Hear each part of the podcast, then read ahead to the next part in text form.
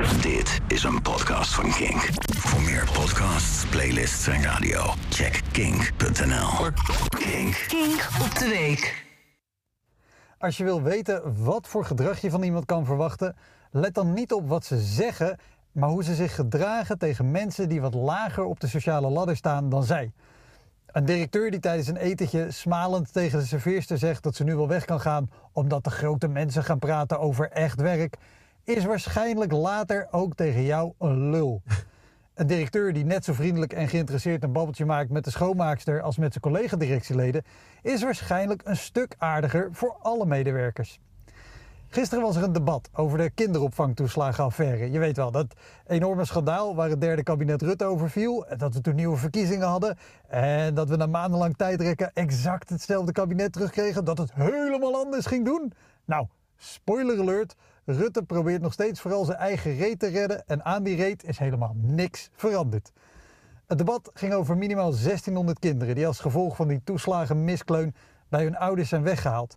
Dat was een belangrijk debat en daarom werd Rutte door de Tweede Kamer gedwongen om erbij te zijn, want hij was het zelf al lang weer vergeten. Maar het woord werd voor de VVD gedaan door Ruud Verkuilen. Onthoud die naam. En stem er nooit op. Ruud Verkuilen is een VVD'er wiens expertises naar eigen zeggen zijn... heeft een baard, is soms op tv en had ooit een uniform aan.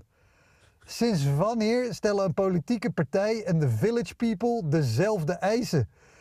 Boswachter Tim heeft ook een baard, is ook soms op tv en had ook ooit een uniform aan. Maar maakt dat hem een goede politicus? Ik weet het niet. Nou, omdat Ruud Verkuilen nog nooit in de Tweede Kamer had gesproken, hij zit er pas een dag of twee, 145, hield hij zijn medenspeech. Dat is een soort ontgroening voor Kamerleden, maar dan zonder bierzuipen en dom schreeuwen.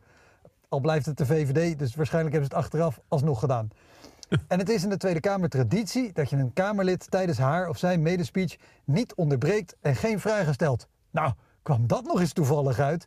Op het meest pijnlijke dossier, in het meest pijnlijke debat, hield deze man zijn medespeech. En mochten andere partijen hem niet onderbreken of dingen vragen. Want traditie. Een traditie is een ander woord voor, ja, dat doen we altijd zo. Wat veruit de allerslechtste reden is om iets te blijven doen zonder je af te vragen of het misschien niet anders of beter kan. En toen andere Kamerleden vroegen om van die traditie af te wijken, weigerde zowel Verkuilen als Kamervoorzitter Bergkamp. Want traditie! En slachtoffers van de toeslagenaffaire op de tribune liepen boos weg.